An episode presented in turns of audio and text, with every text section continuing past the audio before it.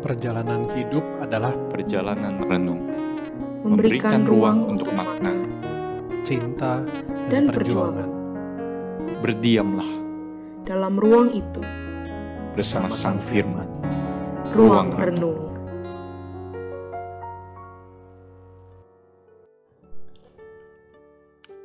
Halo teman-teman, jumpa lagi dengan saya Mia di dalam podcast Ruang Renung. Hari ini kita memasuki renungan yang kedua di dalam seri kitab Hakim-Hakim. Dua hari yang lalu teman saya Rick udah memberikan kepada kita sebuah pendahuluan atau pengantar yang sangat bagus dan penting untuk kita bisa mengerti kitab Hakim-Hakim ini. Jadi kalau misalnya teman-teman belum dengar renungan Rick dua hari yang lalu, saya mendorong teman-teman nanti bisa mendengarnya. Karena itu akan sangat menolong buat kita melihat pasal-pasal selanjutnya dari kitab Hakim-Hakim. Hari ini saya mau bahas pasal yang kedua. Ini juga masih bagian pendahuluan dari kitab Hakim-Hakim, menceritakan keadaan bangsa Israel setelah Yosua mati, khususnya tentang hubungan mereka dengan Tuhan dan bagaimana cara mereka hidup. Teman-teman beberapa waktu terakhir ini ada satu istilah yang sedang ngetrend sekali yang setiap orang pasti tahu istilah ini ya. Sangat sering banget dipakai untuk eh, kita ngomong ataupun kita denger ya. Dari obrolan sehari-hari media sosial acara-acara seminar-seminar bahkan juga di koran di mana-mana. Istilah ini sekarang sedang muncul dan dipakai terus. Mungkin teman-teman bisa tebak istilah yang saya maksud. Apa itu? Istilahnya adalah new normal. Atau kalau di dalam bahasa Indonesia malah ini diterjemahkan dan dijadikan baku ya. Menjadi kata kenormalan baru. Kita sekarang sedang memasuki masa-masa ini yang disebut adaptasi kenormalan baru. Yang kita nggak tahu juga akan sampai kapan eh, kita ada di masa-masa ini. Nah teman-teman karena saya eh, penasaran gitu ya semua orang ngomongin new normal new normal saya kemudian mencari tahu sebenarnya new normal itu intinya apa sih new normal itu bicara tentang apa sebenarnya new normal itu berbicara soal bagaimana kita harus hidup di tengah-tengah zaman yang berubah di tengah-tengah keadaan yang udah nggak sama lagi seperti dulu gitu bagaimana kita bisa bertahan hidup, menyesuaikan diri, dan bahkan menjalani hidup kita dengan lebih baik. Ada istilah yang orang sering pakai begini. E, kalau di tengah new normal ini, ya khususnya new normal di dalam pandemi corona ya. Kalau orang tidak siap menghadapi new normal ini, mereka akan dying, akan mati. Kalau orang di dalam new normal ini baru terbuka pikirannya, wawasannya baru terbuka, mereka akan surviving, akan bertahan. Ya. Tetapi orang-orang yang siap dan bisa mengatasi perubahan-perubahan, berhadapan dengan perubahan, bisa mengatur sistem pola hidup yang baru, itu orang-orang ini akan disebut thriving. Mereka bisa berkembang, bisa lebih baik. Nah, eh, jadi persoalan di dalam new normal itu sebenarnya adalah seberapa kita mampu eh, mengelola hidup kita di tengah perubahan. Nah, teman-teman di dalam teks Hakim-Hakim 2, saya melihat bangsa Israel itu juga sedang mengalami new normalnya mereka sendiri. Kita eh, akan lihat beberapa ayat, saya akan bacakan pasal 2 ayat 6. Setelah Yosua melepas bangsa itu pergi, maka pergilah orang Israel itu masing-masing ke milik pusakanya. Maksudnya milik pusaka ini adalah tanah yang dibagi-bagi untuk jadi teritori mereka. Untuk memiliki negeri itu. Dan bangsa itu beribadah kepada Tuhan sepanjang zaman Yosua dan sepanjang zaman para tua-tua yang hidup lebih lama dari Yosua dan yang telah melihat segenap perbuatan yang besar yang dilakukan Tuhan bagi orang Israel. Pasal 2 ayat 10.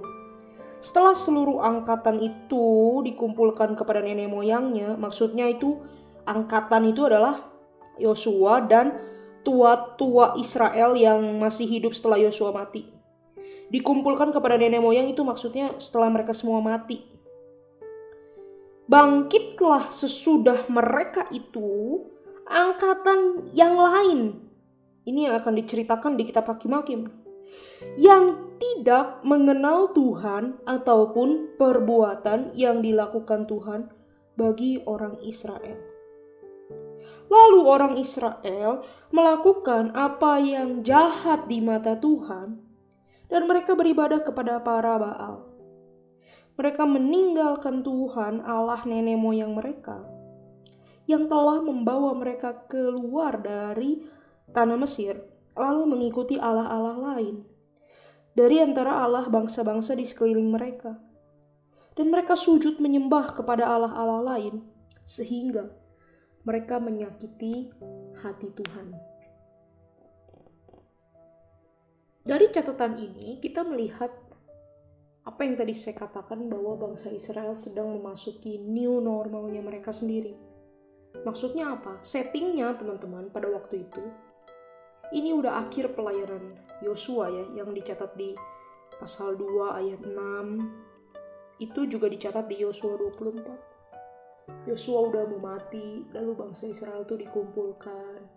Tanah wilayah Kanaan itu dibagi-bagi di mana mereka bisa tinggal, hidup dan menetap. Nah, new normalnya bangsa Israel itu mereka baru mau mulai establish, mulai mantep, menetap di tanah yang Tuhan janjikan. Kita tahu dari kitab suci, kitab Taurat, bahwa bangsa Israel itu dijanjikan oleh Tuhan akan menjadi bangsa yang khusus ya, masuk ke tanah perjanjian, tempat yang khusus. Tetapi kita juga lihat sepanjang sejarah dari kejadian keluaran, imamat, bilangan, ulangan itu sebenarnya bangsa Israel tuh belum masuk ke Kanaan itu belum. Masih di Mesir waktu itu menjadi budak ratusan tahun. Kemudian di padang gurun jadi pengembara 40 tahun di bawah kepemimpinan Yosua baru pelan-pelan mereka masuk tanah Kanaan. Menghalau dulu, membunuh dulu musuh-musuh di sekitar begitu ya. Sampai akhirnya mereka bisa benar-benar mantap masuk ke tanah yang Tuhan sudah sediakan. Jadi setelah Yosua tua, udah mau mati, itu bangsa itu baru baru mau establish, baru mau masuk new normal gitu sebagai umat Tuhan di tanah perjanjian. Kalau dulu sebelumnya mereka di tanah orang, jadi budak, di padang gurun. Ini baru, baru janji Tuhan itu mereka rasakan. Dan juga mereka baru menghidupi new normal identitas mereka sebagai umat Allah baru jelas. Dari dulu memang mereka hidup berdasarkan janji Tuhan kepada Abraham ya kamu dan keturunanmu akan menjadi umatku. Tetapi bukankah selama mereka di Mesir dan di padang gurun, mereka bertanya-tanya gitu, mana mungkin sih kita ini umat Allah dalam keadaan kita kayak gini? Kalau Tuhan sayang kita, kenapa kita jadi budak? Kenapa umat Allah jadi budak? Kalau Tuhan sayang kita, kenapa kita putar-putar di padang gurun? Mereka meragukan kasih Tuhan berulang-ulang, minta mati, minta balik ke Mesir, macam-macam. Nah sekarang ini ya justru setelah Yosua tua, setelah Yosua mulai uh, mau menjelang akhir pelayanannya, bangsa Israel tuh baru diyakinkan, oh iya kita ini benar-benar umat Allah. Ibadah itu uh, dilakukan dan kemudian mereka juga ya tinggal di tanah mereka, mereka bisa merasakan penggenapan janji Tuhan. Mereka mulai ngerti gitu bahwa oh iya emang kita ini bangsa yang khusus. Ya pola-pola hidup itu mulai dibentuk begitu. Nah tetapi kita lihat di dalam catatan tadi new normalnya ini AKB-nya bangsa Israel adaptasi kenormalan baru itu mencakup tiga generasi ternyata. Generasi pertama itu Yosua waktu Yosua masih hidup dan beberapa orang-orang yang uh, juga hidup bersama-sama dengan Yosua dan generasi yang kedua itu adalah eh, orang-orang uh, yang masih merasakan bagaimana dipimpin Tuhan, masih merasakan pengalaman-pengalaman bersama Tuhan, pada waktu Yosua hidup gitu ya. Tua-tua Israel, generasi kedua. Nah setelah generasi kedua ini mati semua, Hakim-Hakim 2 ayat 10 katakan apa? Bangkit satu generasi baru yang gak kenal Tuhan. Nah ini udah bukan new normal ini. Ini new normalnya jadi abnormal. Bagaimana mungkin di dalam bangsa pilihan Tuhan timbul satu generasi yang tidak kenal Tuhan dan tidak tahu perbuatan-perbuatan Tuhan. Ini jadi terbalik sama istilah new normal yang kita hadapi sekarang. Ya. Kalau bangsa Israel, generasi pertama, itu mereka thriving in faith, berkembang di dalam iman. Mereka ingat janji Tuhan, merasakan kasih setia Tuhan, mengingat perbuatan-perbuatan Tuhan. Generasi kedua, surviving in faith, ya bertahan, tetap pegang kepercayaan mereka. Ya. Tetapi generasi ketiga ini udah dying in faith, gak kenal Tuhan. Saya memikirkan sebenarnya keadaan ini itu gak masuk akal. Kenapa? Dulu pada waktu zaman Yosua ya, di dalam Yosua 24 itu menjelang akhir pelayanan Yosua, Yosua itu pernah tantang bangsa Israel. Dan ini kan berarti waktu Yosua udah tua, udah mau mati, berarti yang ditantang kemungkinan besar generasi kedua. Ditantang apa? Kalau kamu pikir di dalam Yosua 24 ya teman-teman bisa baca. Nggak baik beribadah kepada Tuhan. Sekarang kamu pilih, kamu mau ibadah pada siapa, menyembah siapa. Tetapi aku dan seisi keluargaku, kata Yosua, aku dan seisi rumahku, kami akan menyembah Tuhan. Dan seluruh Israel itu janji, kami akan menyembah Tuhan, kami dan seisi rumah kami. Tetapi bagaimana mungkin generasi selanjutnya gak kenal Tuhan? Dan bukankah jauh sebelum Yosua menantang mereka bikin perjanjian itu, Tuhan udah membuat sistem kehidupan bagi bangsa Israel. Kita lihat ya di ulangan 6, Tuhan bilang apa? Dengarlah bangsa Israel, Tuhan Yahweh itu Allah kita, Tuhan itu Esa. Kasihilah Tuhan Allahmu dengan segenap hatimu dan jiwamu dan kekuatanmu. Dan bukan hanya dikasih tahu dengarlah orang Israel, apa di ulangan 6 itu dikasih tahu apa? Kamu harus ulangi, ajarkan kebenaran ini kepada anak-anakmu. Waktu makan, waktu tidur, waktu di rumah, waktu berpergian, waktu ngapain pun. Kasih tahu anak-anakmu, Tuhan Yahweh itu Allah kita, Yahweh itu Esa, kasihilah Tuhan dengan segenap hatimu, dengan segenap hidupmu. Itu sistem kehidupan. Bangsa Israel cara hidupnya begitu. Tetapi bagaimana mungkin generasi yang baru ini gak kenal Tuhan? Saya kira gak mungkin tiba-tiba muncul satu generasi yang gak kenal Tuhan. Apakah mungkin ini menunjukkan kepada kita bahwa generasi yang sebelumnya atau generasi yang kedua itu sebenarnya tidak serius di dalam mewariskan iman. Gak serius menyembah Tuhan. Gak serius mengajarkan kepada anak-anak mereka tentang Tuhan. Kemarin kita belajar dari Rick bahwa bangsa Israel berpikir awalnya toleran. Kanaan yang disuruh bunuh semua itu nggak dibunuh semua. Ya mulai dari pembiaran.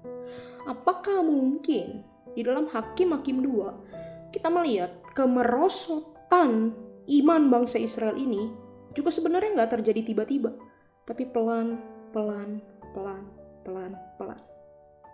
Kebenaran firman tidak dijaga.